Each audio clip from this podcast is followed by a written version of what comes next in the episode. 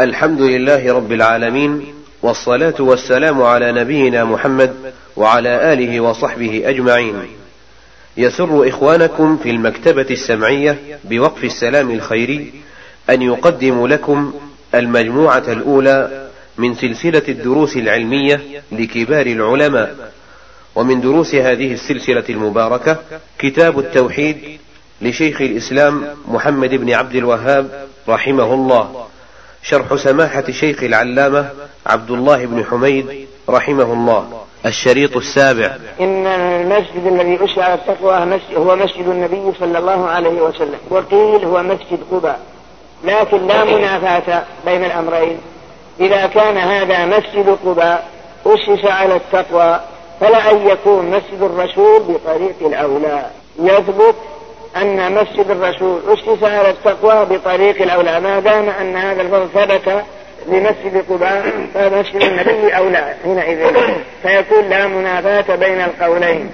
يحبون أن يتطهروا وذلك أن بني عبد بن عوف كانوا إذا توضأوا يستنجون بالماء فأثنى الله عليهم. فقال لهم ما هذا الطهور الذي أثنى الله به عليكم؟ فأخبروا بأنهم يتبعون الحجارة الماء. فقال هو, ذاك فالزموه أو كما قال. والله يحب المطهرين. فيه إثبات صفة المحبة لله تعالى خلافا للأشاعرة. الذين ينكرون إثبات المحبة لله ويقولون إن المحبة هي الرضا أو الإثابة. يعني معناه إن الله يحب المطهرين بمعنى يثيب المطهرين ويعطيهم, ويؤتيهم الأجور. ولكن أهل السنة والجماعة يثبتون لله ما أثبته لنفسه. إثباتا يليق بجلاله على حقيقة على حد قوله ليس كمثله شيء وهو السميع البصير. إثباتا بلا تمثيل وتنزيها بلا تعطيل. لا نحرف لا نكيف لا نمثل لا نشبع. بل نقول هذا حق على وجه يليق بجلاله.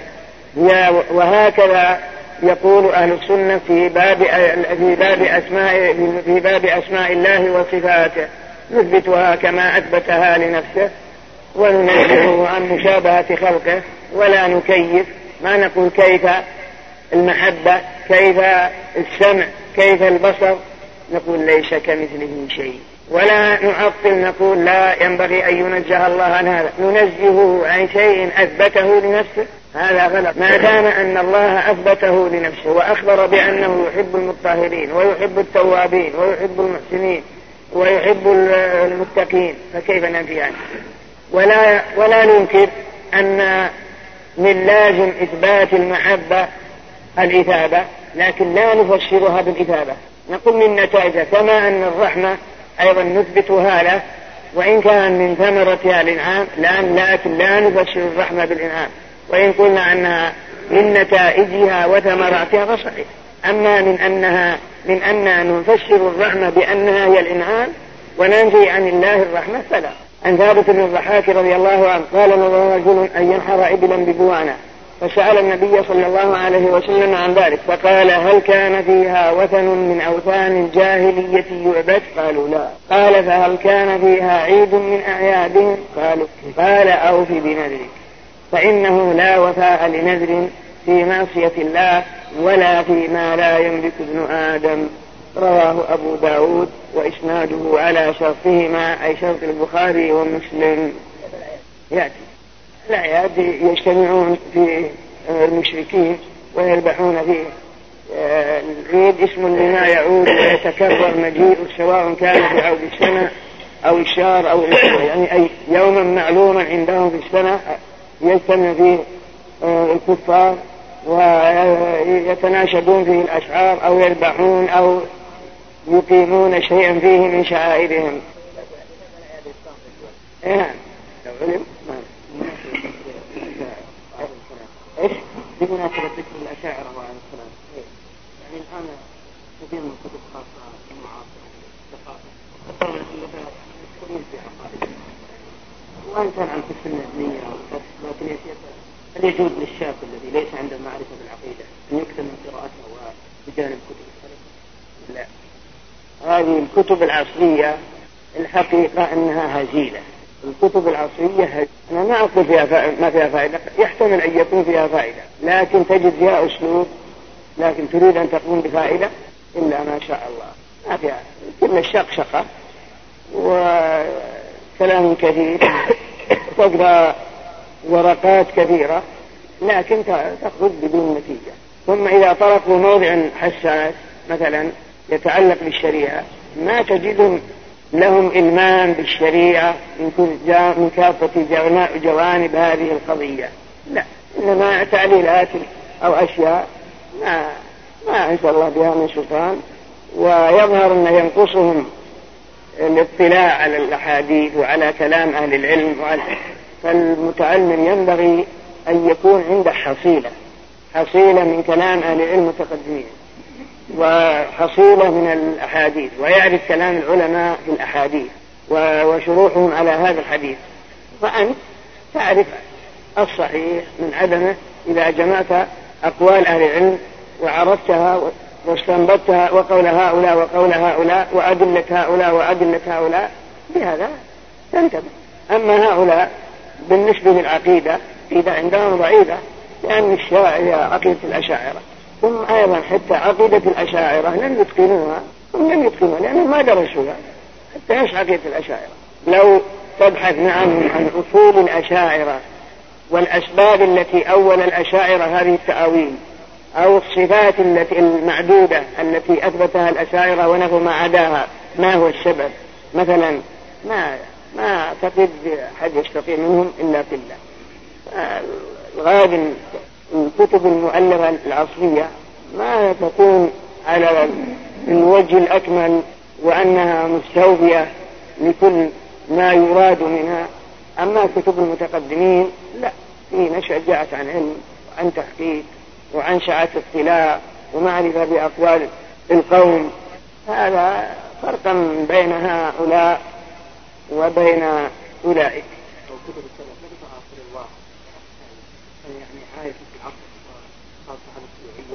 خل مسألة أن تتكلم الآن في الصفات. سؤالك الأول في الصفات سؤال آخر. هذا سؤال جديد. الكلام الأول في مسألة الصفات وإثبات الصفات والرد على مؤول الصفات ومن لازم إثبات الصفات. ومن لازم نفيها أو تأويل إيش يترتب على هذا. أما بالنسبة للمذاهب الحديثة دي الشيوعية والبهائية والقاديانية والماسونية هذه أعتقد أنك إذا عرفت نفس المذهب الذي يدعون إليه مجرد تصورك له ومعرفتك له ينفر منها ما يبرد أبدا. مذاهب سياسية باطلة تضحك العقلاء ويندى لها الجبين ولا يقر حتى العقل حتى الآن ما يستطيع كذا يأتي يقول أنا يفعل كذا وكذا أشياء ما ما ما هي مركزة لا على الطرق الكلامية ولا على المناهج الفلسفية ولا على مثلا يقول؟ القاديانية هذه انتشرت في كل حدب وصوت إذا صورت مذهبهم ما يبي الناس ردوا وبينوا الزمن الأخير وهذا طيب. كذلك الشيوعية. فمثل القاديانية يقولون عن مرزا أحمد غلام أنه نبي. طيب تقولوا النبي يا الله أعطنا إيش من علامات نبوته جابوا له آه، آه، كلمات حكايات هود وقالوا هذا قرآن. طيب هذا قرآن. وش بعد؟ قالوا إن من فضائله انه دخل على الله وهي مريدة عبد الله ومعه رجع وانه سلمها لله وإن الله وقع على فيها ورجع وشوفوا قال من رب حمر.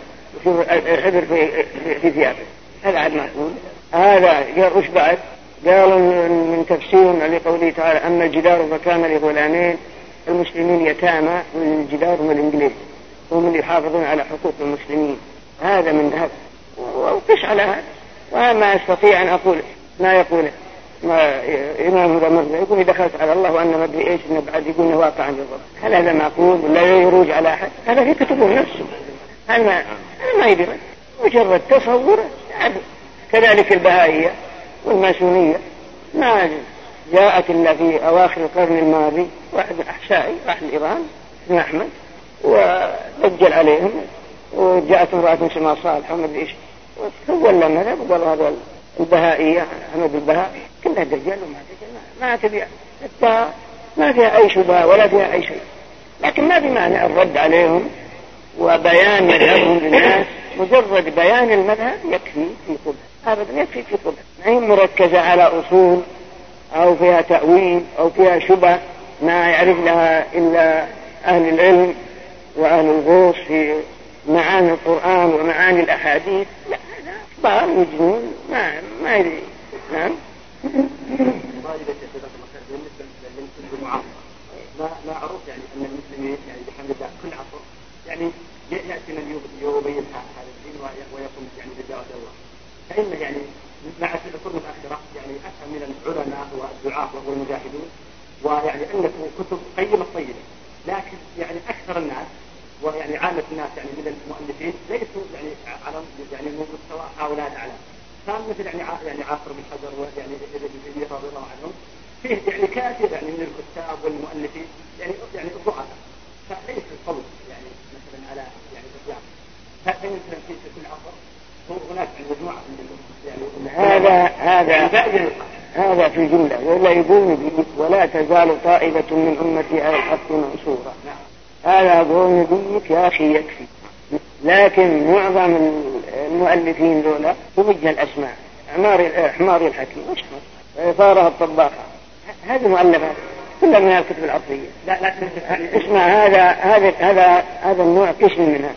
قسم آخر كلها أسلوب لكنك ما تقول شيء ما فيها شيء لكن أسلوب ما تحصل شيء. قسم منها فيه فيه أخطاء وفيه منابذة للشريعة وقع قد يكون وقع عن حسن نية قسم منها طيب لا بأس به وأحسنوا في ذلك جزاهم الله خير. وقسم منها خلطوا عملا صالح وآخر سيء هذا أبو الله عليك يا شيخ تحرير أستاذ محمد بن التوحيد نزل أستاذ الشيخ الإسلام هذا أسبابه أن القائمين على التعليم ما يعرفون. أستاذ محمد قلت جزاه الله خير. طيب ما نقول شيء. لكنه لم يتكلم فيه إلا على توحيد الربوبية. ما يعرف توحيد الألوهية يتكلم فيه أن الله هو الذي خلق الشجر والحجر والجبال والشمس والقمر. هذا أقرب التوليد ما ما ما ينكر هذا. أبدا وهذا طيب. هذا طيب. ما ينكر هذا. وخلق البحار وأوجدها. يعني جاء إلا أنه أدى بأسلوب طيب. لكن كون الناس تكلم على توحيد العبادة. يعني يتكلم على قسم من أقسام التوحيد الذي هو أن نوحده بأفعاله. بقي موضوع أن نوحده بأفعالنا. ما عندهم شغل. وهذا شيء كل يعرف أن الله سبحانه وبحمده هو الذي خلق وأوجد وكون وأوجد البحار وأوجد الجبال وأوجد الأشجار وأوجد بني آدم وخلقهم على هذه الكيفية على أحسن تقويم وركب فيهم العقل والسمع والبصر وكذا. كل هذا معروف.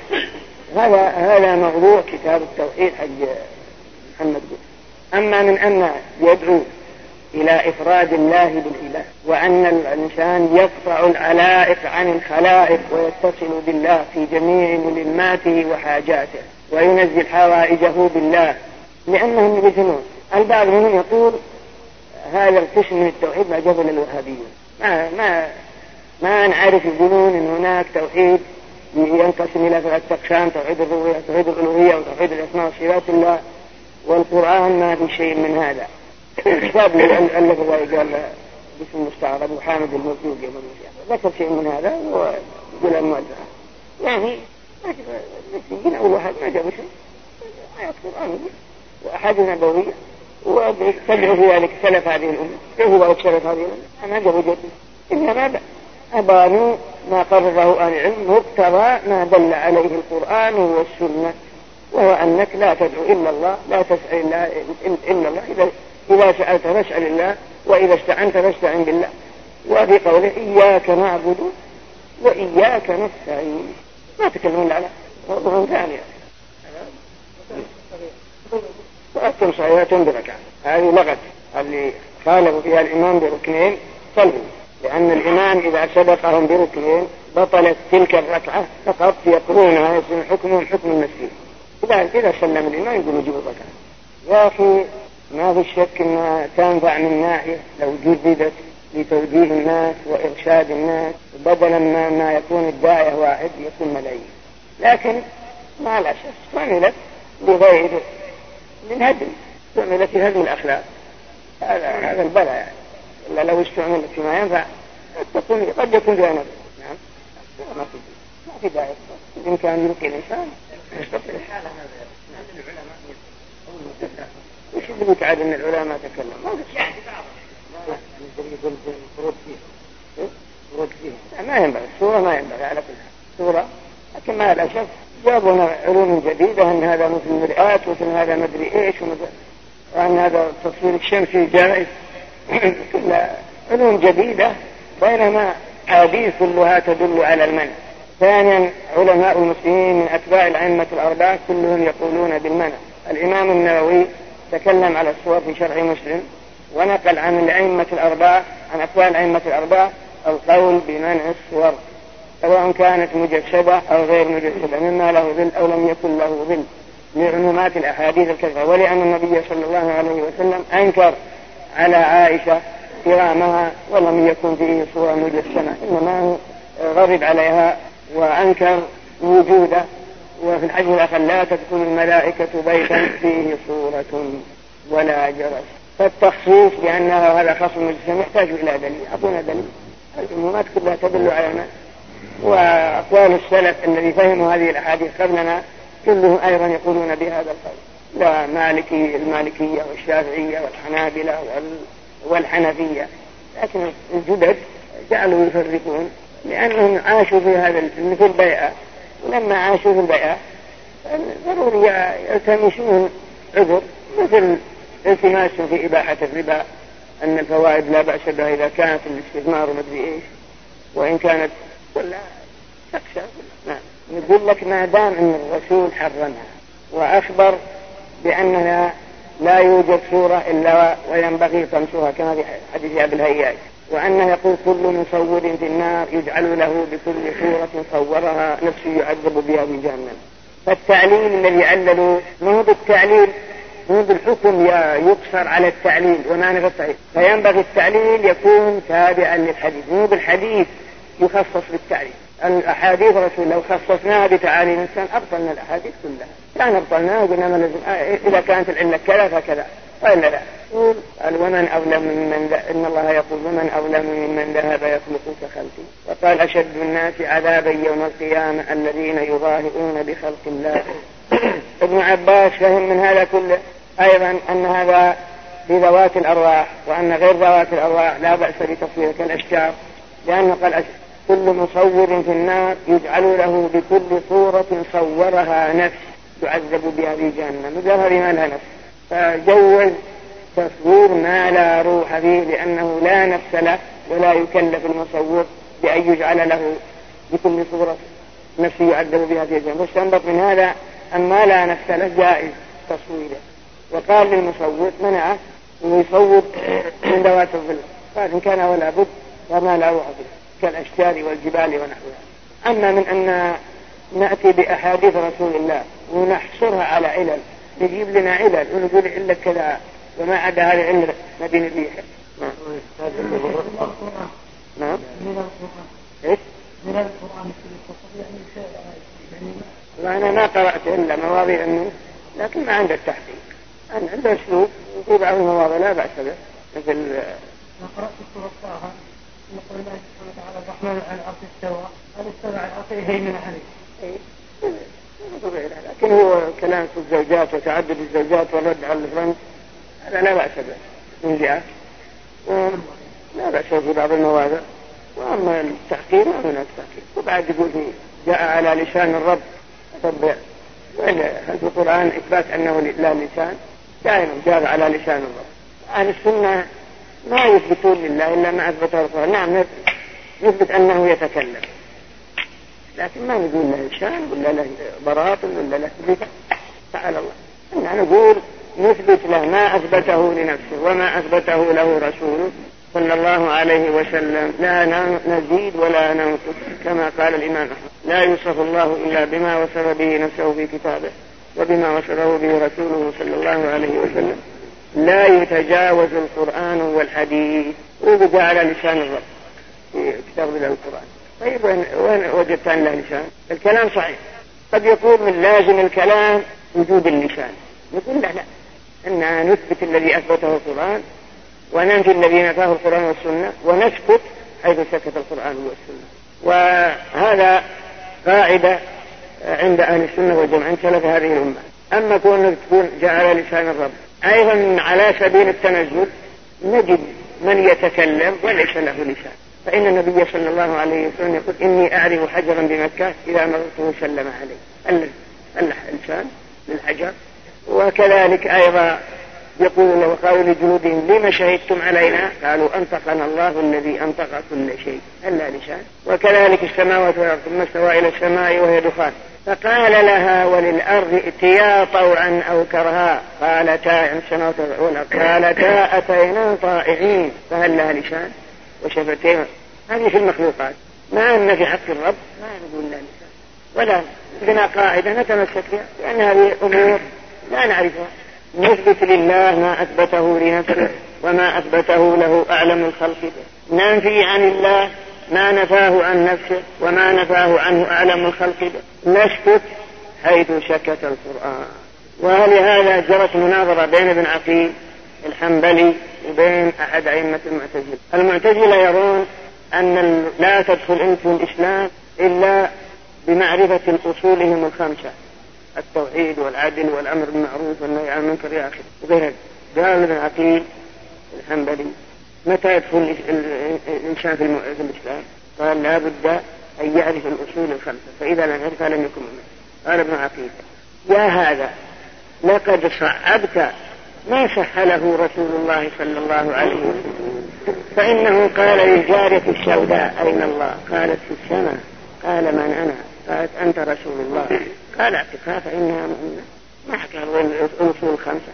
ما وين الأصول الخمسة. أيضا قال ابن عقيل لا. يا هذا. أنت تروح تبحث عن صفات الله. مثلا تقول من لازم كذا وكذا صفات الله كذا وكذا.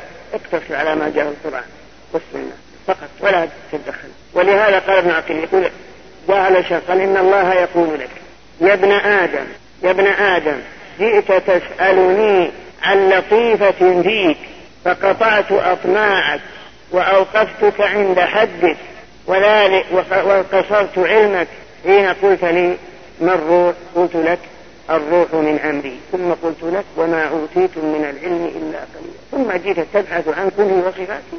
جئت تبحث عن كنه وصفاتي وأنا وأنت تسألني عن لطيفة فيك. قلت ما الروح؟ قلت لك الروح من أمري. وقصرت أطماعك وأوقفتك عند حدك. وقلت لك وما أوتيتم من العلم إلا قليلا. ثم تبحث عن كني وعن صفاتي. ثم قال ابن إن الله يقول يا ابن آدم جئت تسألني عن الساعة. فقلت لك لا يعلمها إلا الله.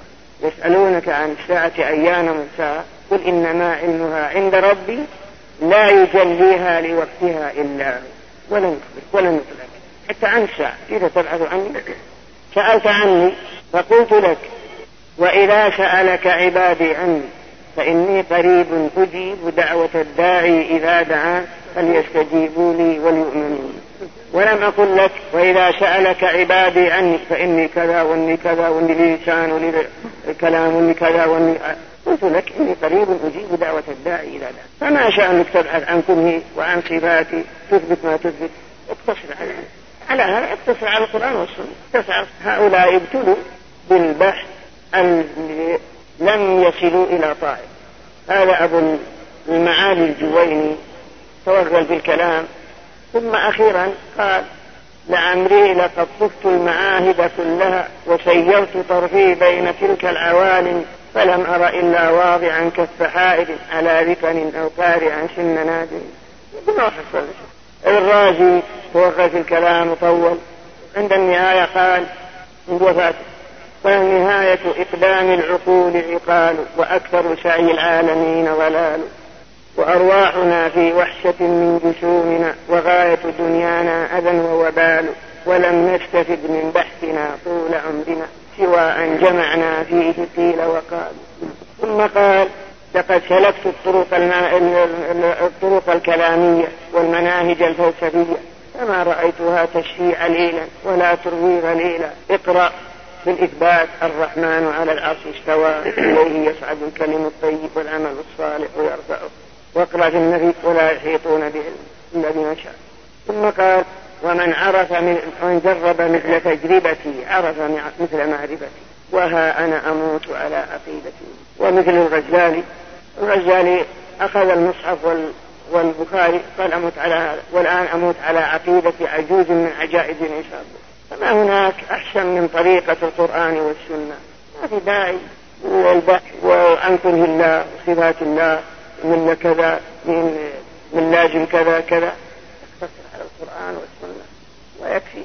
مثل ما قال ابن عقيل إن الله يقول له يا ابن آدم جئت تسألني عن لطيفة فيك فقلت لي ما الروح؟ فقلت لك الروح من أمري. وقصرت أطماعك وأوقفتك عند حدك. وقلت لك وما أوتيتم من العلم إلا قليلا. نعم نعم. إذا كان الإنسان مضطر فالإثم على الذي أرغم مثلا ممنوع عن لا تسافر وممنوع لا تتجر وممنوع لا تسوق سيارة إلا بهذا. فأصبحت كالمضطر معذور من ناحية والإثم على الذي أرغم. وأوقف مصالحك وتصرفاتك ما عندك ما عندك إمكانيات أنت تحط لك سواد. ما, ما عندك إمكانيات تبي تحط لك خدام يتجرون ولا يسافرون. ولا لماذا قال؟ يعني لأنك في حيرة من الطرق الكلامية والعجوز على فطرتها تؤمن بالله واليوم الآخر.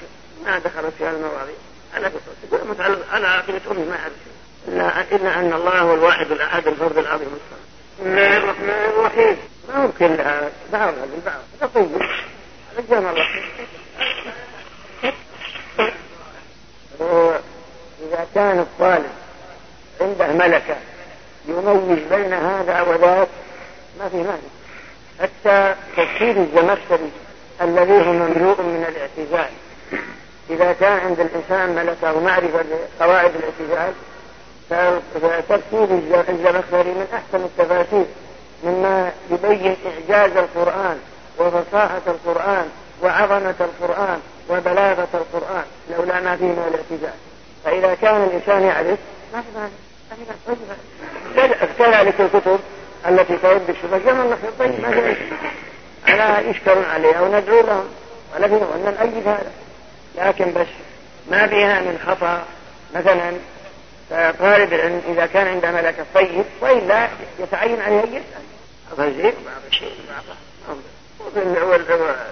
كتب الحديث حتى ما دخلت الكلام. الطرق الكلامية بالإثابة بالإثابة. لأنها مفرغة بالإثابة؟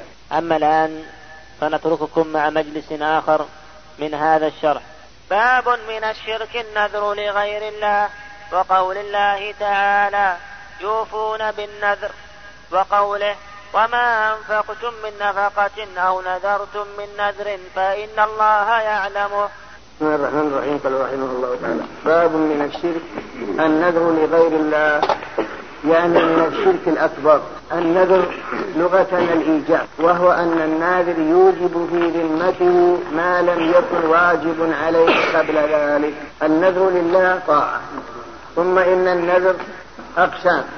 هذا بالنسبة إلى أن النذر لا يكون لغير الله. أما إذا كان لغير الله كما سنذكره هذا شيء آخر. لكن النذر الذي يذكره العلماء في كتب الأحكام هي خمسة وبعضهم يجعلها ستة أقسام. أولا نذر المباح لا مانع منه ثم إن الناذر مخير بين فعله وبين كفارة يمين وش مثل نذر المباح؟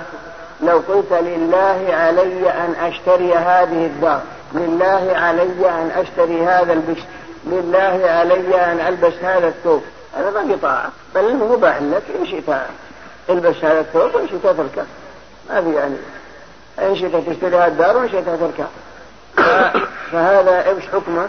حكمه أنت مخير بين فعله وإذا لم تفعله عليك كفارة يمين لأن النذر هنا بمنزلة اليمين كأنك تقول والله لألبسن هذا الثوب والله لأشترين هذه الدار. هذا يسمى نذر مباح. فنذر المباح يخير بين فعله وبين كفارة يمين. الثاني نذر المكروه. نذر المكروه يستحب أنك تكفر ولا تفعله. مثلا نذرت أمرا مكروه كما لو نذر إنسان أن يطلق زوجته. إلى لله عليك أن تطلق زوجتي إذا لم يكن كذا وكذا مثلا. ولا حصل. أو ما. نقول أنت كفر كفارة يمين ولا شيء أو يريد أن يفعل مكروه. هو مخير إلا بالفعل المكروه الذي ما فيه إثم إلا أن يتركه أفضل غير أن التكفير أفضل. الثالث نذر اللجاج والغضب وهو أن الإنسان في حالة الغضب واللجاج ينذر بأن يضرب زيد بأن يفعل كذا بأن يفعل كذا هذا ينبغي أن يكفر ولا يفعل. الرابع نذر المعصية كأن يقول لله علي أن أقتل فلان لله علي أن أشرب الخمر لله علي أن أزني بفلانة. هذا حرام ولا يجوز ولا يجوز الوفاء بهذا النذر لأنه نذر معصية. ومن نذر أن يعصي الله فلا يعصي لكن هل عليه كفارة يمين؟ كما لو قال لله علي أن أقتل زيد طيب ليش تقتله حرام عليك قتله هذا نذر معصية. هل عليك كفارة؟ فيه خلاف بين العلماء. والمعروف أن فيه كفارة. لحديث عمران بن حسين أن النبي صلى الله عليه وسلم قال لا نذر في معصية وكفارته كفارة يمين. الخامس نذر التبرر. الذي تريد به البر والطاعة هذا يجب الوفاء به. وهو المقصود في هذا الباب إذا كان النذر لله. كما لو قلت إن شفى الله ولدي من هذا المرض فلله علي أن أتصدق بألف ريال. وشفي ولدك يلزمك أن تتصدق بألف ريال ولا في كفارة أو قلت إن سلم مال الغائب كما لو بعثت مال بضاعة وخشيت أن اللصوص يأخذونه قلت إن سلم وجاءني مالي فلله علي أن أذبح شاة يلزم في سلم مالي. قلت كفارة لله ومصرف النذر هذا للفقراء. نذر تبرر هذا نذر طاعة. فهذا يلزم أن يوفي بنذره. ولكن مصرف النذر هو للفقراء. قال مثلا لله علي إن قدم ابني أو قدم فلان الغائب أن أتصدق بمئة ريال أو أن أتصدق بكذا أو أذبح كذا وجاء هذا الذي نذر من أجله جاء من غيبته.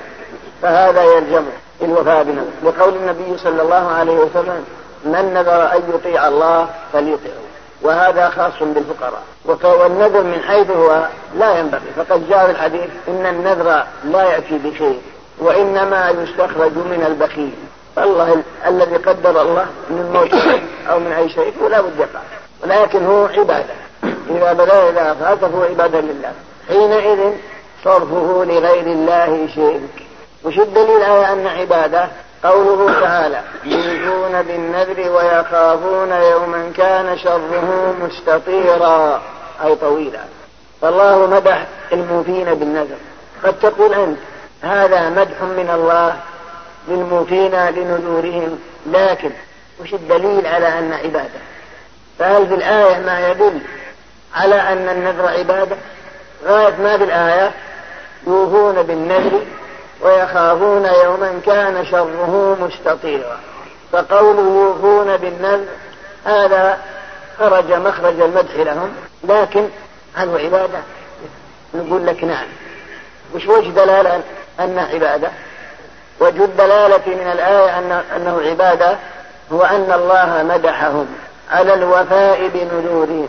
إذ لو كان مباحا لم يمدحهم الله. إنما مدحهم لأداء واجب أو لفعل مستحب أو لترك محرم. فهو مدحهم لفعل هذا الواجب أو لفعل المستحب أو لترك واجب أو ترك محرم. فإذا دل على أنه عبادة. المستحب عبادة والواجب عبادة. وترك المحرم لأجل الله عبادة. فهذا وجه الدلالة من الآية. فإن الله لا يمدحهم لو كان النذر مباحا. لكن إنما مدحهم بما التزموه في ذممهم من تلك النذور. دل على أنه عبادة وأن الله مدحهم لأجل وفائهم بالنذر. وكما تدل عليه آخر الآية يوفون بالنذر ويخافون يوما كان شره مستطيرا. والخوف من ذلك اليوم أيضا عبادة. لأن المؤمن مطلوب من أن يخاف الله سبحانه وتعالى وأن يخاف ما مما سيؤول إليه أمره. وكذلك أيضا قوله وما أنفقتم من نفقة أو نذرتم من نذر فإن الله يعلم. دل على أنه عبادة. لأن الإنسان إذا أنفق نفقة يريد بها وجه الله فهي عبادة. حتى إن سعدا سأل النبي صلى الله عليه وسلم عما ينفقه على أهله. قال حتى اللقمة تجعلها في امرأتك. يعني أن لك بذلك أجرا. فهذا يدل على أنه أيضا عبادة. وما أنفقتم من نفقة أو نذرتم من نذر فإن الله يعلمه لو كان مباح لا لك لا أجر ولا عليك. ما في أي شيء. فإن المباح هو مستوي الطرفين. إن فعلته لا لك أجر وإن تركته ليس عليك إثم وما لا يثاب على فعله ولا يعاقب على تركه. فإذا كان يثاب على فعله صار عبادة أو كان يعاقب على تركه أيضا كذلك. ثم أيضا النذر للقبور أو للمشائخ أو للأنبياء حينئذ صرف العبادة لهم. كما لو لو لو ذبح للرسول صلى الله عليه وسلم متقربا به بذلك الذبح إليه بهذا النذر. أو نذر مثلا من هذه المبالغ من الدراهم لقبر أحمد البدوي من أجل إيجاد الكهرباء على قبره أو من أجل تحلية الذهب على قبره أو البناء أو ترميم أو ما أشبه ذلك أو للشادن كل هذا من الشرك الأكبر المنافي للتوحيد. فالله سبحانه وتعالى أمر أن لا يكون النذر إلا له لأنه عبادة. أما الكثيرون ممن طغى عليهم الشرك وافتتنوا بعبادة القبور جعلوا ينظرون لها ويذبحون مريدين بذلك التقرب إليها. وما أكثر هذا في البلاد المنتسبة إلى الإسلام. فقد ذكر المنار في مجلته. كتابا نشر وجهه إليه شخص يقال للشيخ اليماني. لا كان بينه وبين المنار مكاتبات وكان في شنغفورة اليماني هذا الشيخ اليماني وكان المنار سعد بن محمد رشيد رضا يكاتبه وكتب له كتابا نشر في مجلته. حاصل هذا الكتاب تكلم عن عن حالة الإسلام في الجزر الهندية وفي شنغفورة وفي الشرق الأقصى. وهل عندهم إسلام؟ وما هو هذا الإسلام؟ لأنهم كانوا يهتمون بالإسلام في أوائل هذا القرن أكثر من من جملة ما ذكر هذا الشيخ اليماني في كتابه الذي وجه للمنام والذي نشر في مجلته يقول أني جئت جزرة من جزر الهند وكانت في وسط بحر دخلت تلك الجزرة وإذا فيها قبر والناس يطوفون حوله وينظرون له وعنده شاد يقول دخلت لأنظر إلى هذا القبر وماذا يفعل الناس. فأقبل إلي الشاد ومعه شيء من الزيت يريد أن يرش ثيابي للبركة. يقول فصحت به بأعلى صوتي لا توسخ ثيابي قال إذا أنت وهابي؟ يقول قلت نعم وهابي. فتمتاز الوهابية بعدم النذور للقبور حتى في الجزر الهندية التي لم يصلها إليها أحد لم يصل إليها أحد قال قلت نعم أنا وهابي لا توسخ ثيابي قال ما الذي جاء بكذا؟ جئت لأتفرج. وماذا تعمل؟ فهذا شأن الكثيرين افتتنوا بالقبور وعبادة القبور والنذر للقبور ويقولون في كتبهم التي قرأناها عندما يريدون عبادة القبر صاحب القبر يقولون إن هذا الميت رجل صالح. وأنك أنت إذا وجهت إليه روحك إذا وجهت إليه روحك بقلب حي فإن يقابل روحه روحك. ثم هو يشع على قلبك بالأنوار التي نبعت من روحه كالمرآة التي تعكس الشمس. كما أنك تأخذ المرآة وتجعلها مثلا مقابل الشمس تعكس ضوء الشمس والدخل من داخل. فيقولون أن روحه تأخذ من الخير وتأخذ من الولاية وتدخله على قلبك كما أن المرآة تعكس ضوء الشمس والدخل في البيت الأبرد.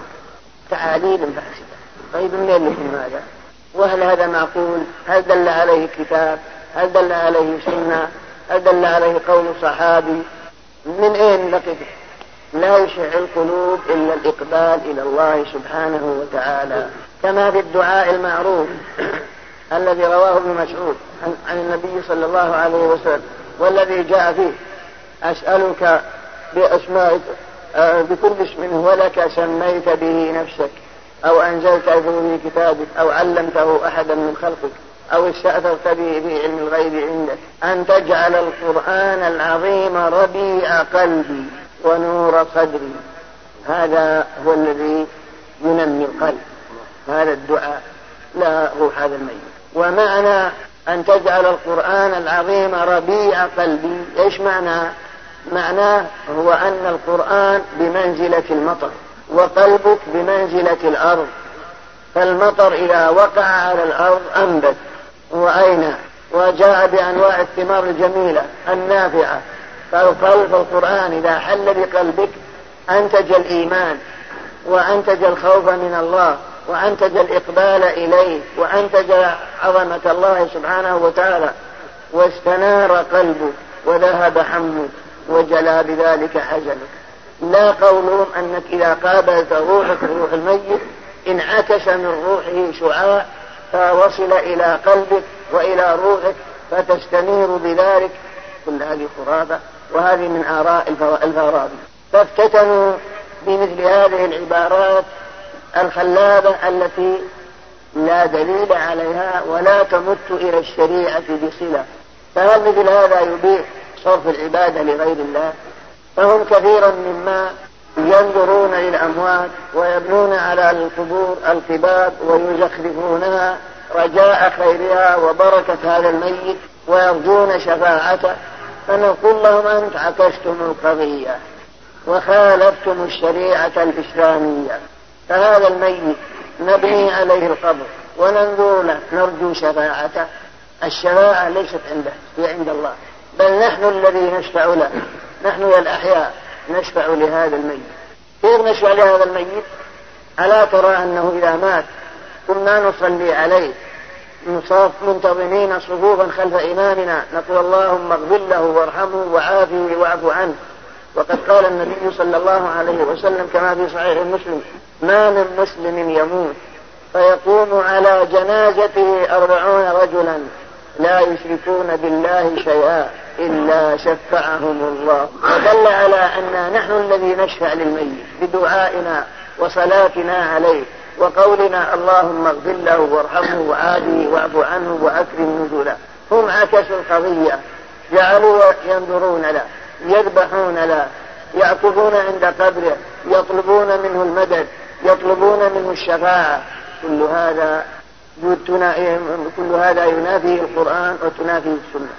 مع أن نقول نعم الصالحون يشفعون والأنبياء يشفعون. نحن لا ننكر الشفاعة الصالح يشفع. لكن لا نطلب هذا حتى الرسول لا نطلب الشفاعة بل نطلبها من الله. فنقول اللهم شفع فينا نبيك. اللهم لا تحرمنا شفاعته لا أننا نقول يا رسول الله اشفع لنا. والأفراط أيضا نقول إنهم يشفعون. ولا نطلب من الفرط أنه هو الذي يشفع أو من الصالح هو الذي يشفع. نطلب كل ذلك من الله. ألا ترى أن إذا كنا نصلي على الطفل كنا نصلي على الطفل نقول في دعائنا اللهم اجعله ذخرا لوالديه وفرطا الفرط بمعنى المقدم وفرطا وأجرا وشفيعا مجابا. قلنا وشفيعا مجابا نطلب من الله أن يكون هذا الفرط شفيعا لوالديه. لا أننا نقول للفرط اشفع يا فرط لوالديك.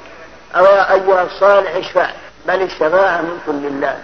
لكن الله يكرم هذا الصالح مثلا بأن يقبل شفاعته في من استحق النار أو في من لم يدخل الجنة أن يدخلها أو في من دخلها بأن يزاد ثوابه وترفع بذلك درجة في الجنة. فكيف مع هذا نقول بالنذر للقبور وطلب الذبح للقبور وبناء الأبنية على القبور وسؤالها المدد من دون الله وسؤالها تفريج الكروبات وإغاثة اللابات كل هذا ينادي التوحيد الذي من أجله بعثت الرسل ومن أجله أنزلت الكتب ومن أجله جردت سيوف الجهاد ومن أجله حقت الحاقة ووقعت الواقعة.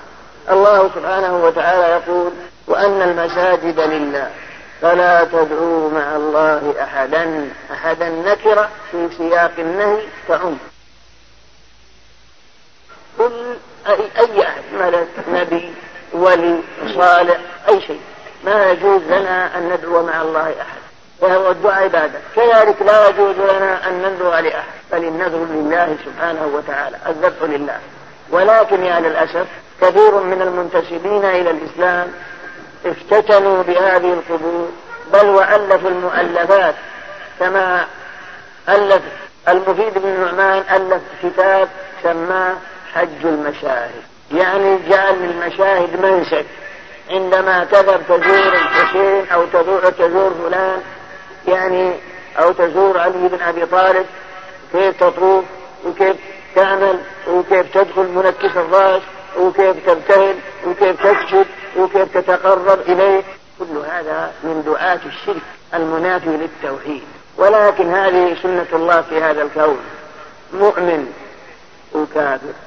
صالح وطالح قال الله تعالى وكذلك جعلنا لكل نبي عدوا شياطين الإنس والجن يوحي بعضهم إلى بعض زخرف القول غرورا ولو شاء ربك ما فعلوه فذرهم وما يفترون ولتصغى إليه أفئدة الذين لا يؤمنون بالآخرة.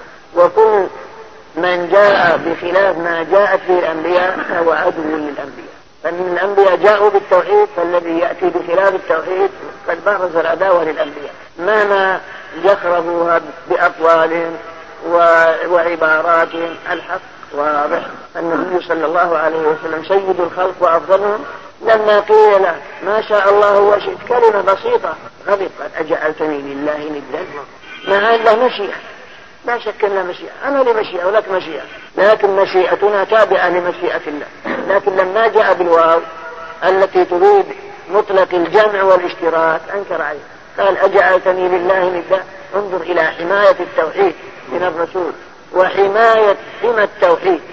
بل حمى حمى التوحيد. وحمى جانب التوحيد بل وحمى حمى التوحيد. فمن تأمل القرآن وتأمل السنة وما درج عليه سلفنا الصالح علم أن القوم هؤلاء الذين افتتنوا بهذه الكتب في حج المشاعر والبناء على القبور علم أن القوم ليسوا على صراط مستقيم. أن ذكر ابن سينا والفارابي بالحق في أن فيها شبه تلقى على طلاب كثيرا. كل بالله. أرسطو كل كل نصير الدين الطوسي. واللي الواقع مو بنصير الدين نصير الشرك. الطوسي وابن سينا والفارابي. هؤلاء وإن كانوا فلاسفة وعندهم شيء من علوم الأوائل لكن علوم الشريعة بعيدون عنها. ما هم ما هم بها العلم ولا أهل دين ولا أي شيء. نعم؟ يعدون العلماء لا بالله في مدارس بأسمائهم يا شيخ. لا ما هم من علماء المسلمين أنا أبين لك مذهبهم الآن تعرف هل هم من المسلمين أم لا؟ هذا الطوسي يقول إن القرآن هذا للعامة. أما الخاصة فلا يصلح لهم هذا القرآن وإنما جاء بمحمد لأجل العامة وقال إن الصلوات رياضة ويقول لا ما هناك بعث أبدا. كل هذا من مات خلاص ما نبعث ولا أي شيء. هذا هذا مذهبه فهل هذا مسلم؟ ولهذا ابن القيم سماه نصيب الشرك. الفارابي مثله في مسألة البعث ومسألة القول بقدم العالم. وكذلك ابن بن سينا أيضا حتى في قصيدة هبطت إليك من المكان الأرفع إلى آخره ثم أيضا لها في كتاب الإشارات كلهم ملاحدة كلهم ما والذي يقول انهم من علماء المسلمين ما يدري عن مذهبهم. الإنسان إذا عرف مذهب القوم وعرف ماذا يدعون إليه وما اشتملت عليه كتبهم ربنا يحكم يحكم يحكم عليه ربنا ومدارس الأسواق هذا خطأ. غلط غلط من القائمين بالمعارف هذا غلط هذا غلط. نعم هو سؤال عندك في ناس في اللحى ياخذون منه يعدلونه في مشية محمود بن هل هو جائز لا؟ لا عشان تركه على كل حال لكن عاد إذا كان في لا ينبغي ينبغي ان ما لا الاولى تركها على كل حال. إنما الذي يعاني بن عمر أنه كان ياخذ ما زاد على القبضه إذا حج أو اعتمر الذي يحرم حلقها هذا هو الذي يحرم. احد قال انه يوجد في الجمع يكون على وجهه الغسل يكون على وجهه قال لا ما دام متحدثين تحدثون هذا الشهور مدة معينة ما تتمون لا تتمون على كل حال لا متيقنين أنكم بتبطون في هذا المكان قد يكون بعد أكثر من هذا. فالاتمام متعين. إنما الذي يقصر اللي ما يدري متى يمشي. ينتظر بكرة بعد بكرة ينتظر الأوامر. على طول يعني حجم قشه ينتظر متى يمشي. هذا نعم يكسر ولو ولو ولو طال. أما أما الإنسان الذي يعرف إنه يبي يبقى أربعة أشهر خمسة أشهر ثلاثة أشهر شهرين يعني متحقق إنه مو مو مو مبارح هالمكان هذا يدري أما الذي ما يتم يكسر هو اللي ما يدري. ما يدري متى يجي الأمر. يا قد يجي الليل يجي بكرة يجي بعد بكرة. يعني على أهبة الاستعداد للسفر. إنما ينتظر الأوامر هذا نعم. في حكم المسافر يكفر ويكفر أما إذا كان يعرف أن بيده يبقى لا هناك عدو ولا هناك شيء آه، جاسم في هذا المكان كالمرابط أو يعني ما يعني رسمي وأنه يعرف مو ماشي ما هو ماشي هذا لا يبي يمكث في مدة طويلة غير جميل نعم. نعم. لا تحية المشي إذا دخلت في غير وقت النهي نعم. سواء كان يكسر معك لا تتم الصلاة لا وهذا في المستقبل واللي مضى يعفو الله. لماذا القضاء؟ الله يعفو عنه الجهل مطلوب يتم المستقبل نعم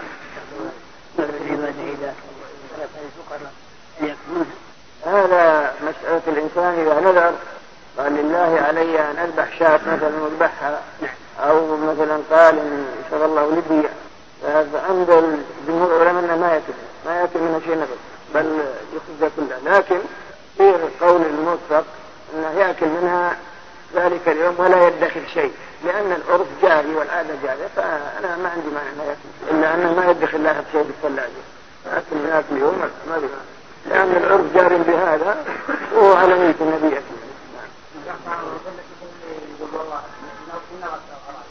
نعم.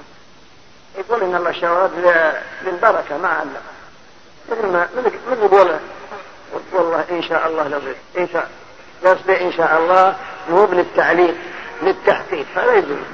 لأن لفظة إن شاء الله ما قصدها للتعليق يعني من أضاك الله إن قدر الله وما قدر الله لا. هم يريدون بها تحقيق الواقع الذي يريده.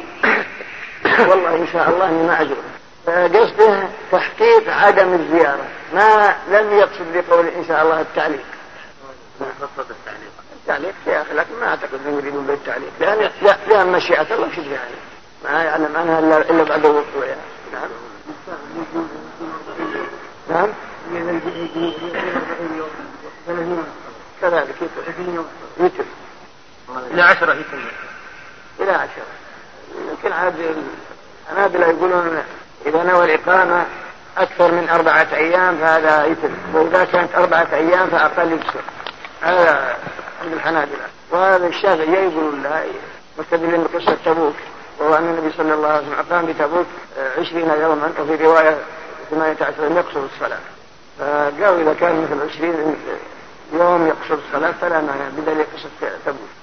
حينما غزا النبي صلى الله عليه وسلم تبوك. فالحنابلة يجيبون عن هذا يقول الرسول ما نوى الإقامة؟ لأنه حاصر تبوك وعزم على الرحيل. فما في لكن الاحتياط مما كلف مما كان للعبادة أولى. نعم. هذا يعني ودخلت أو ما دخلت ما لكن إذا أراد أن يرجع عن كلامه أنه لا. فيبقى معلق إذا دخلت تطلق عند الجمهور هنا وعند الشيخ تقي الدين لا كفارة يمين لأنه لم يقصد إيقاع الطلاق وإنما قصد منعها من الدخول.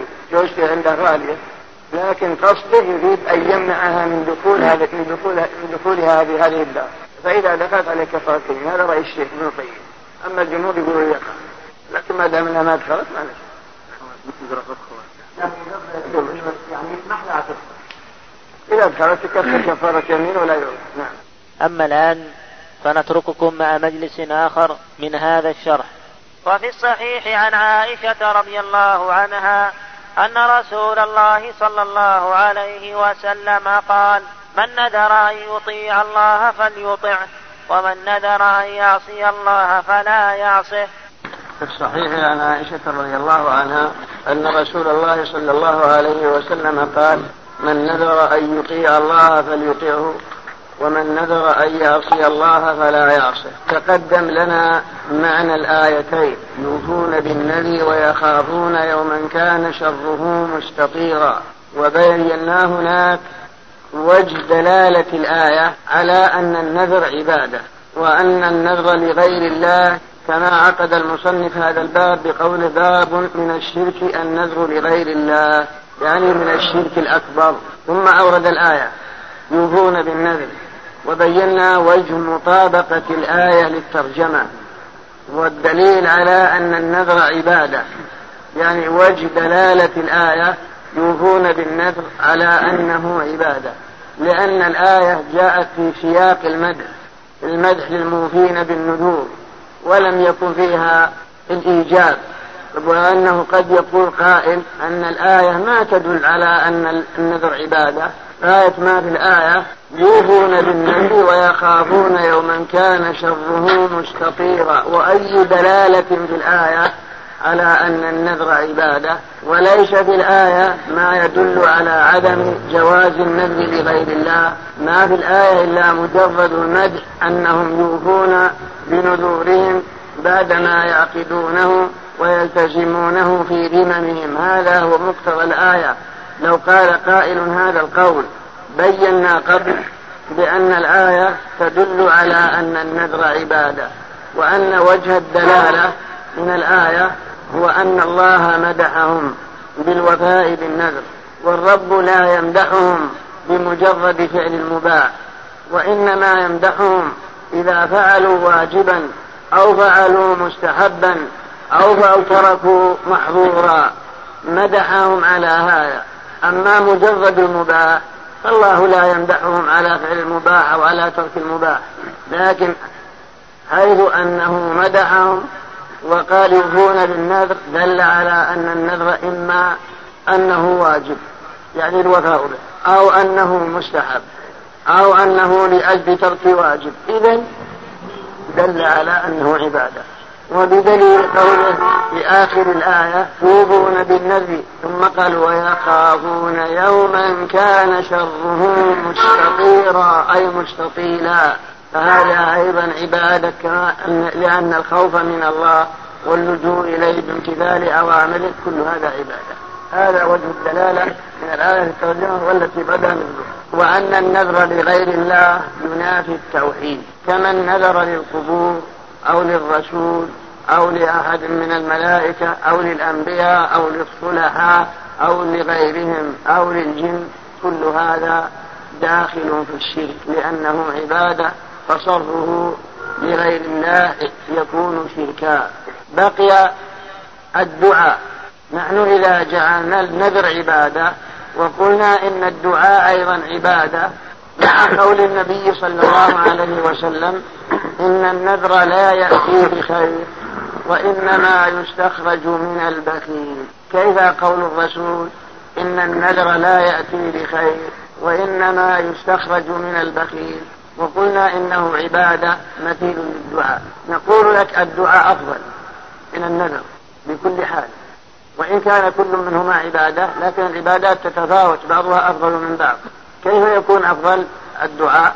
هو أنك تدعو الله سبحانه وتعالى وتطلبه متقربا إليه بأن ينجز لك ما طلبته. فقولك رب اغفر لي أو اللهم ارحمني أو أو التسبيح والتهليل الذي هو دعاء عبادة أفضل من النذر. لأنه منجز. ولأنك تدعو الله حالا. أما النذر فقد علقت العبادة بحصول ما تطلب. من تبع حتى يحصل لك ما تطلب. كما لو قلت إن شفى الله مريضي فلله علي أن أصوم شهرا. نعم الصوم شهر عبادة. لكن من تبع عنها العبادة إلا بشهر وهو إن شفي لك مريض. أو قلت لله علي إن قدم الغائب غائبي كأخي أو والدي فلله علي أن أتصدق بألف ريال على الفقراء والمساكين. طيب الصدقة عبادة لكنك علقت هذه العبادة على حصول مطلبك بخلاف الدعاء فهو لم يتعلق بشيء ولا علقت بل أنت الآن حالا تعبده. أما هناك تعبده عبادة مؤخرة عندما يحصل هذا الشرط الذي علقته عليه. وما فهمت بهذا يكون الدعاء دعاء العبادة أفضل من النذر. وإن كان النذر في بذل مال من فقراء لكن الدعاء لا هو أفضل هذا وجهه وقول من نذر أن يطيع الله فليطيعه. هذا يدل على أن أي عبادة ما متى نذرتها فيجب عليك وفيه الرد على الحنفية. الحنفية يقولون لا يجب النذر إلا إذا كان له أصل واجب شرعا. وهنا يجب عليه. كما لو قلت لله علي أن أصوم شهرا قالوا يلزمك لأن صيام شهر رمضان واجب وهذا الذي نذرته له أصل في الشرع بوجوبه. أو قلت لله علي أن أصلي عشر ركعات صلاة الضحى عند الأحناف يلزمون لأن لها جنس واجب وهي الصلوات الخمس. بخلاف لو قلت لله علي أن أعتكف في شهر رمضان. قلوا ما يلزم لأنه لم يكن هناك واجب من الواجبات في الاعتكاف. فالاعتكاف ما في واجب. وإن قلنا إنه مستحب سنة وقد اعتكف النبي صلى الله عليه وسلم لكن يقول لم يكن له أصل في الشرع واجب. فلهذا لا يلزمك هذا النذر. هذا عند الأحناف. أما عند الجمهور يقول يلزم ما دام أنه طاعة وإن لم يكن له أصل في وجوب يلزم في قول النبي صلى الله عليه وسلم من نذر أن يطيع الله هذه طاعة. وتقييدكم بأنه لا بد أن يكون له أصل في الشرع واجب هذا لا دليل عليه. الجمهور يستدلون يردون على الحنفية بهذا الحديث. فأي إنسان نذر طاعة يلزمه فلو قلت وفائدة الخلاف لو قلت لله علي أن أزور فلان المريض يعني تريد تعيد تعود لله علي أن أعود فلان المريض. الحنفية لا يوجبون. يقولون عيادة المريض ما هي بواجبة ولا هناك شيء واجب يدل عليها. الجمهور يقول لا يجب لأن عيادة المريض طاعة. وقد حث عليها النبي صلى الله عليه وسلم وهي من حقوق المسلم على المسلم. لحديث من نذر أن يطيع الله فليطيع. وأيضا لو قلت لله علي أن أعتكف عشرة أيام في شهر رمضان الحنفية لا يلزمون يقول لأن لا نجد واجب شيء في الاعتكاف. الجمهور يقول لا يلزم لأن طاعة. والرسول يقول من نذر أن يطيع الله فليطيعه. لو قلت لله علي أن أحج الجميع يلزمون حتى الحنفية لأن الحج أصله واجب لكل حال فيلزم أو تصوم أو تصلي أو غير ذلك. من نذر أن يطيع الله فليطيعه وقد تقدم أن ما نعرف من يقولون ما دام المال أصل في الوجوب آه، فلا يلزمه. إنما يلزم إذا أوجب على لأن النذر واجب يقولون لأن النذر واجب فلا يوجب على نفسه إلا نظير ما أوجبه الله. أما الإيجاب على النفس فالإيجاب هو من طريقك أنت بل هو من طريق الله. وأنك توجب على نفسك, نفسك شيء لم يكن له نظير أوجبه الله عليك فلا. لأن الإيجاب وال وال والحرمة إنما تكون من طريق الشارع لا من طريقك أنت. هذا وجه قوله. لكن نرد عليهم بالحديث. من نذر؟ أن يطيع الله فليطيعه فكيف نعدل عن الحديث إلى هذه التعليلات؟ من نذر أن يطيع الله فليطيعه. ومن نذر أن وقد تقدم أن بينا أقسام النذور التي قررها العلماء. كنذر المباح ونذر اللجاج والغضب ونذر المكروه ونذر المعصية ونذر التبرر والنذر هو لغة الإيجاب وشرعا التزام المكلف بنفس على نفسه ما لا يجب عليه شرع بل هو الذي يوجب على نفسه. قالوا حتى الكافر يصح لكن يفعله بعد الإسلام إذا كان من العبادات البدنية واستدلوا بقصة عمر فإنه قال يا رسول الله إني نذرت أن أعتكف ليلة في الجاهلية. الأقصى قال أعتكف. فالنذر وقع منه في الجاهلية ومع هذا أمره الرسول بالوفاء بعد الإسلام. قالوا هذا يدل على أنه ينعقد ويثبت في ذمته وإن كان كافرا مع أنه لو أداه حالة كفر لا يصح. مما يدل على أن الكفار مخاطبون بفروع الشريعة. وقوله ومن نذر أن يعصي الله فلا يعصي. معلوم أن المعصية لا يجوز فعلها لا بنذر ولا غيره. وكما تقدم في حديث ثابت بن الضحاك لا نذر فيما لا يملك ابن آدم. لا في معصية ولا فيما لا يملك ابن آدم.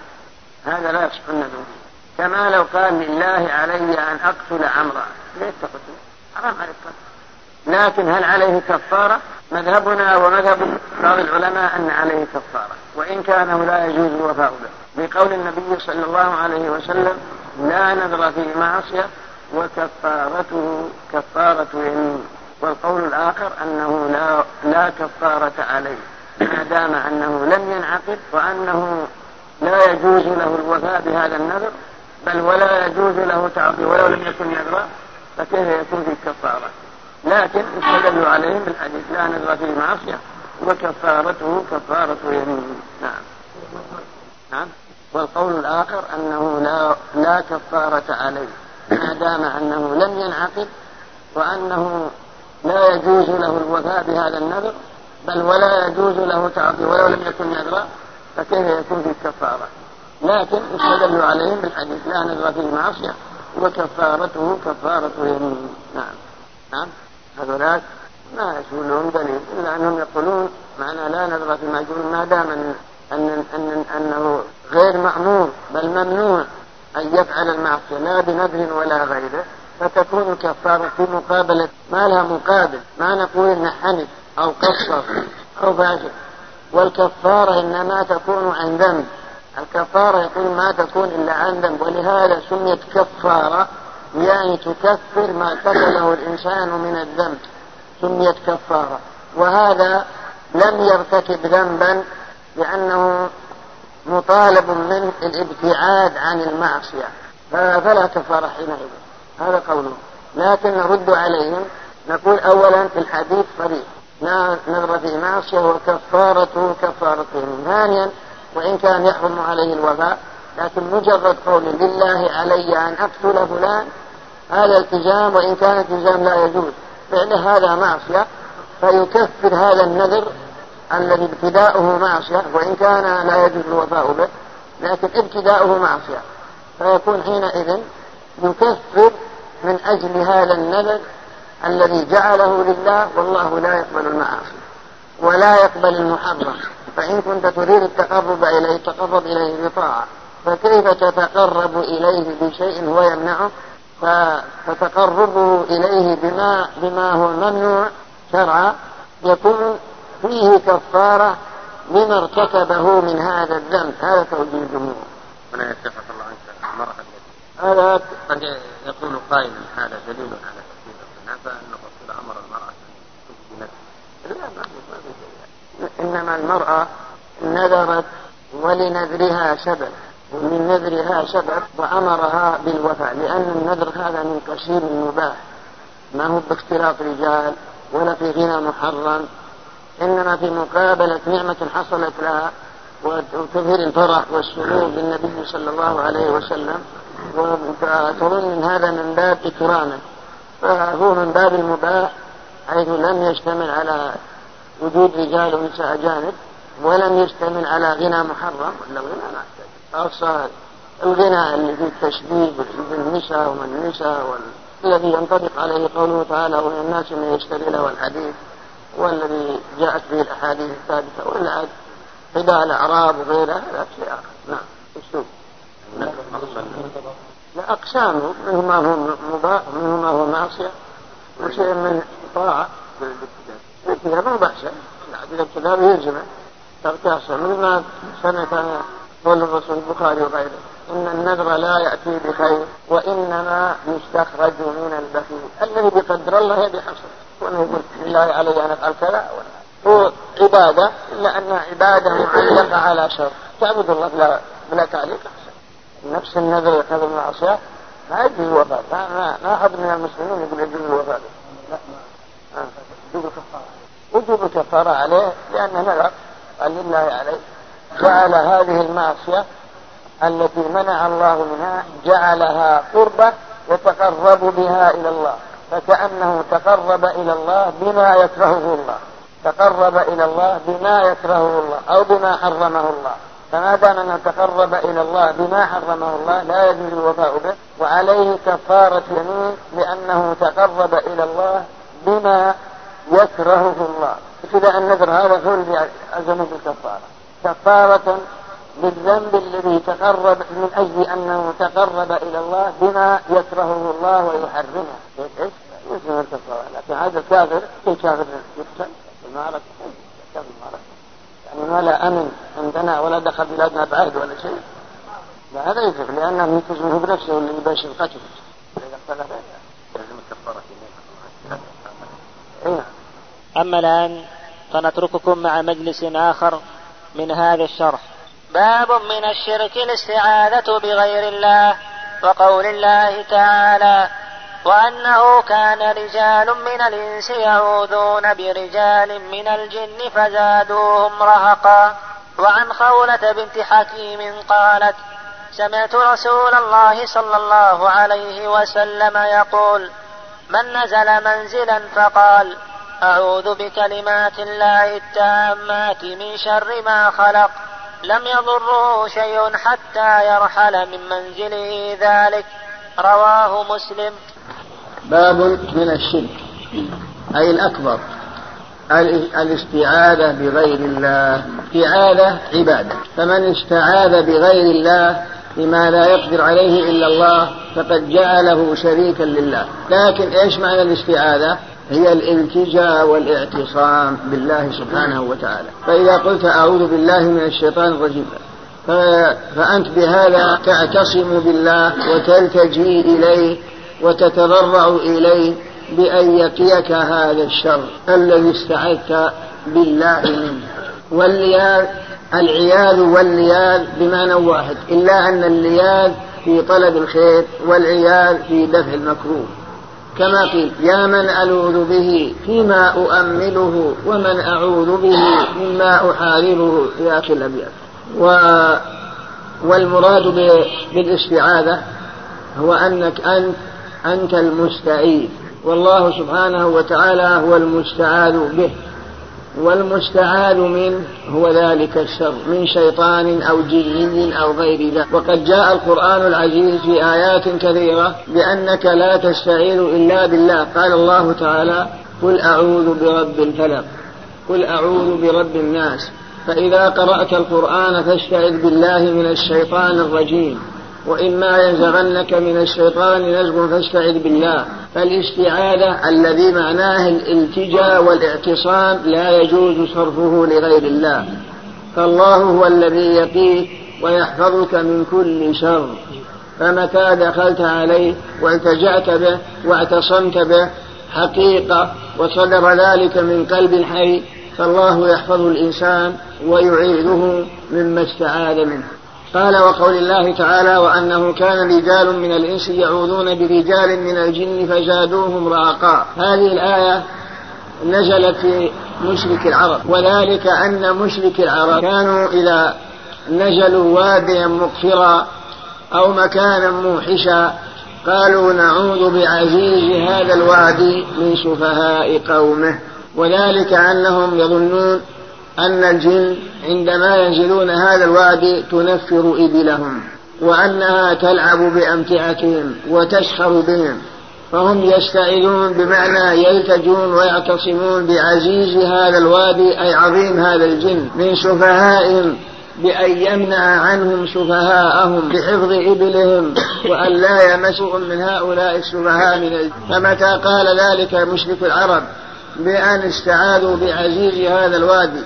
زادوهم رهقا أي تعاظما وتكبرا وزادوهم خوفا وشرا لأنهم استعاذوا بغير الله. فالمعنى وأنه كان رجال من الإنس وهم العرب مشرك العرب يستعيذون برجال من الجن يقولون نعوذ بعزيز هذا الوادي من شفايف فزادوهم أي أن الضمير هنا يعود على يعود على الإنس. وأن ال وأن ال وأن الزيادة هذه حصلت من الجن زادوهم رهقا بمعنى تعاظما وتكب يعني أن الجن تعاظموا وتكبروا أو زادوهم خوفا وإرهاقا.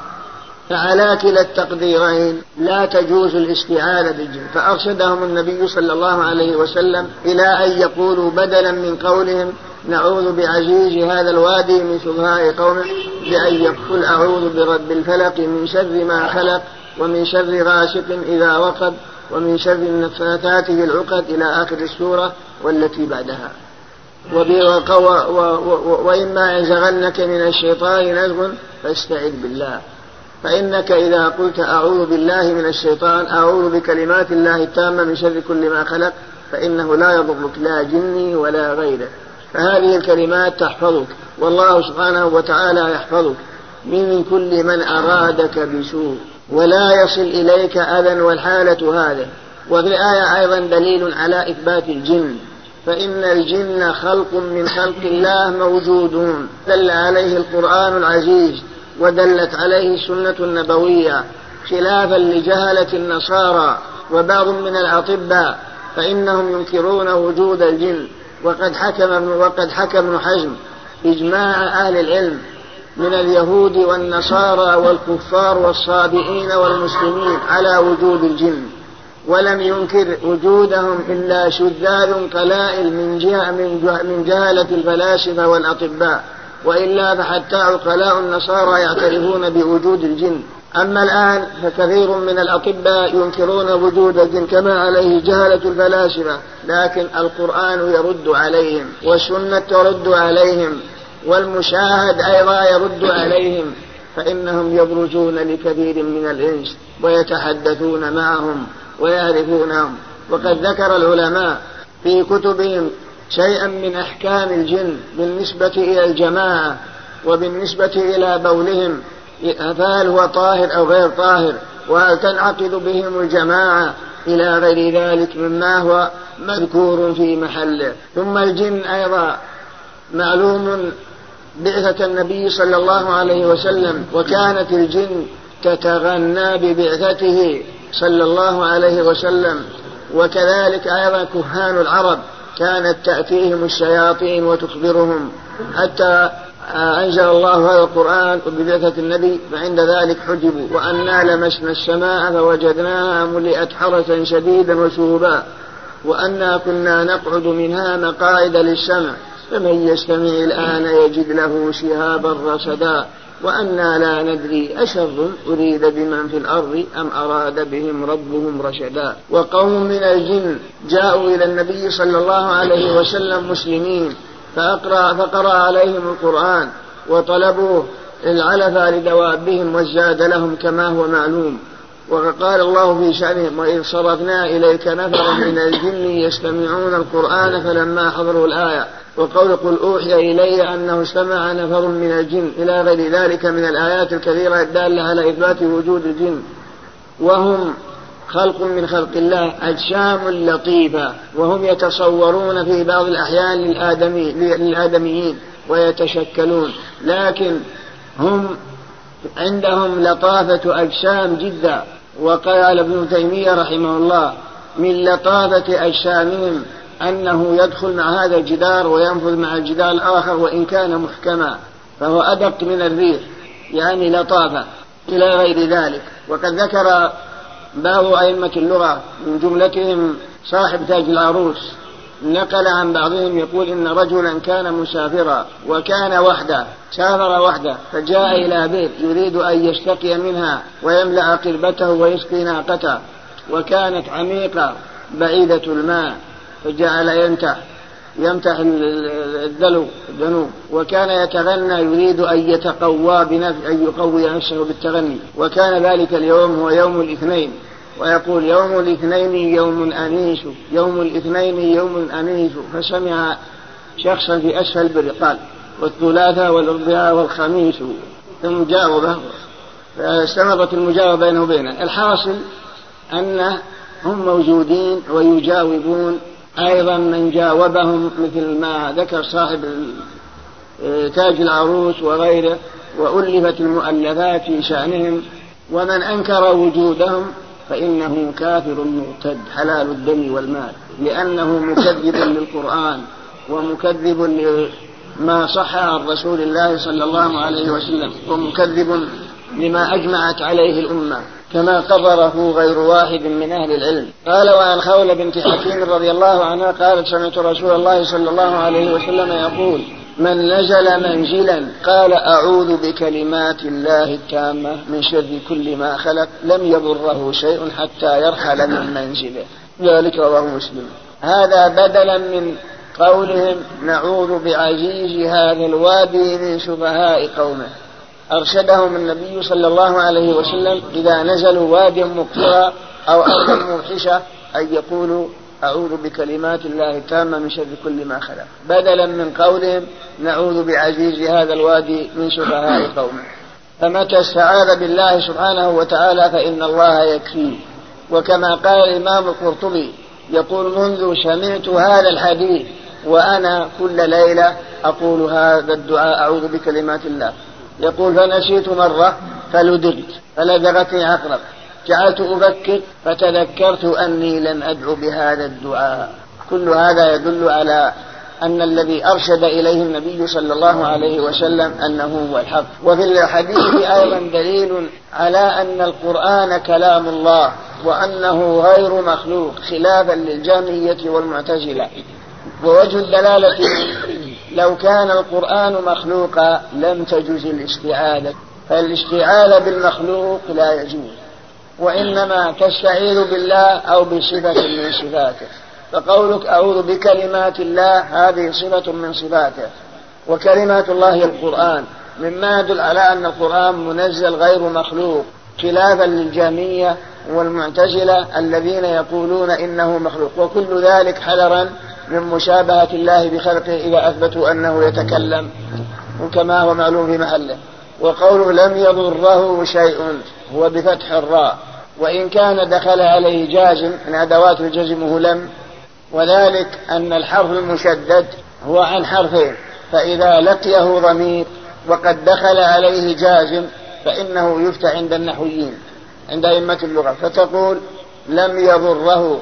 مثل ما في الحديث الصادق جثنا إنا لم نرده عليك إلا أن نحر لأن المعنى إنا لم نردده عليك لم يضرره شيء أو لم يضرر الحرف المشدد عن حرفين فالمعنى لم يضرره شيء لما شدد وكان يليه ضمير فتحوا الراء تنبيها إلى أن أصله مجزوم وأن الحرف المشدد عن حرفين قالوا لم يضره إنا لم نرده. ومثل حديث اجهد فيما عند الله يحبك الله واجهد فيما عند الناس يحبك الناس. لأن معنى أجهد في الأمر. يحب فعل مضارع مجزوم في جواب الأمر. لأن المعنى إن تجهد يحببك الله وإن تجهد فيما عند الناس يحببك الناس. هذا هو قول أئمة اللغة. وقيل بالضم يحبك الله لكن القاعدة اللغوية هو كما تقدم. نعم. إيه. ولكن لا تريد من شر الناس. فمعنى هذا مطلق على الشخص لأنه المؤمن بين قوله تعالى أن القول هدى للمؤمنين نعم نعم مؤمن ان شاء الله لكن قد يكون هناك مانع مانع منع من هذا إما أن يكون لم يقله عن صدق وإخلاص والتجاء إلى الله سبحانه وتعالى وإنما خرجت من طرف اللسان فكل بينه وبين ما قدر الله. لكن ينتفي عن الإيمان لا ما ينتفي عن يعني على الأرض؟ نعم. ها؟ وجود الجن أي على الأرض. هم يتنقلوا ما لهم شيء. هم أجسام أرواح ويتشكلون ولهم من القدرة على التشكل. وقطع المسافات العظيمة ما لم يكن لغيرهم لأنهم بلا جسد يعني مثل ما ذكر ابن تيمية رحمه الله. يعني من لطافة جسمه أنه يمكن يدخل مع أجبار ويطلع من عندك وجه ما ما دخل ولا هواء نعم. نعم إيش؟ شو؟ تدخل في الناس. إي نعم يدخل. إي نعم يدخل في الناس. قد يدخل نعم. يروح يقول. بسم الله الرحمن الرحيم. الحمد لله رب دائما دائما متى يراهم الكل يراهم ويشاهدون دائما. يعني بلغ حد التواتر انهم ثم أيضا جاءوا إلى الرسول وكلموه وكلمهم وسألهم وسألوه وعرض عليهم الإسلام وقرأ عليهم القرآن. نعم. كم؟ يقول ينكر ولا ممكن؟ أنت ما شفته لا لا لا ممكن. لا يقول هل يمكن الآدميات نعم. لا. يعامل بالقرآن. القرآن إذا قرأ عليه رجل تقي نقي يخذو يتأثر بالقرآن ويتضايق بالقرآن. إيش؟ ويراك ما تشوفه لا. براك ما تشوفه لكن مو من لازم نفي إنك ما ترى ابدا. ما يلزم إنك ما ترى. إنه يراكم هو قبيله من حيث لا ترونهم يعني وقت رؤيته لك هو دائما يراك وأما وأما أنت ما تراه. لكن ما في ما يدل على نفي رؤية لهم. لأنهم يرون في تشكل كثير. ذكر في طبقات بعض الأئمة الحنفية يقول إن والده أرسلت حاجة إلى جهة الروم. يقول لما سافر بصحبة اثنين يقول وكانت ليلة باردة وليلة شاتية وهو ذاهب إلى بلاد الروم. يقول آوينا إلى غار في جبل. يقول أنت نوي يا أخويا اثنين. وشاب يقول بينما أنا نايم أخوي نايمين يقول جاءتني امرأة فأيقظت. قالت يا ابني إن عندنا بنت جميلة نريد أن نزوجك إياها. يقول فرجعت فقلت نعم ليس عندي مانع. يقول بين آونة أخرى جاءت شخص في صورة آدم المسلم ومع بنته. وقالوا نريد أن نزوجك إياها يقول صورة صورة إنسان إلا أن عينيه عينيه يقول يجري من أعلى إلى أسفل ما هو على يقول عقد لي عليها. يقول دعوا لي بالبركة وراح قعدت عندي. صورة آدم. يقول أنا خايف ما ما ما عملت شيء. يقول أصبحنا سافرنا مشينا. يقول جت الليلة الثانية يقول جت يقول ولا ما أمسها ولا ما أقربها بشيء يقول جت الليلة الثالثة كذلك. يقول لا بقيت يوم جت قالت يا ابني كأنك لم ترى أتريد أتحب أن أن تطلقها؟ يقول إيه يقول قلت إيه والله. يقول كتبت لها ورقة. أعطيت إياه ودعوني وراح. يعني موجود يعني كثير ما استطاع بسم الله الرحمن الرحيم. الحمد لله. كيف؟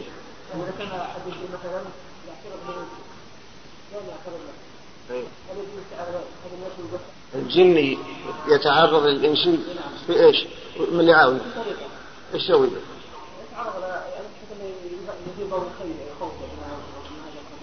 واللي يشتعي منه. لا أبدا يقول الرسول إذا إذا تغولت الغيلان فبادروا بالأذان نزلوا تروح لأن هذه مخبلات الجن اللي تتغول تتصول الإنسان في صورة تارة جمل وصارت نخلة طويلة وصارت تشكل فالرسول أخبر بأنك إذا أذنت بدأ سودة نعم. كذلك إذا تغولت الغلام فبادروا بالأذان. الله يعني بأصحاب السنة.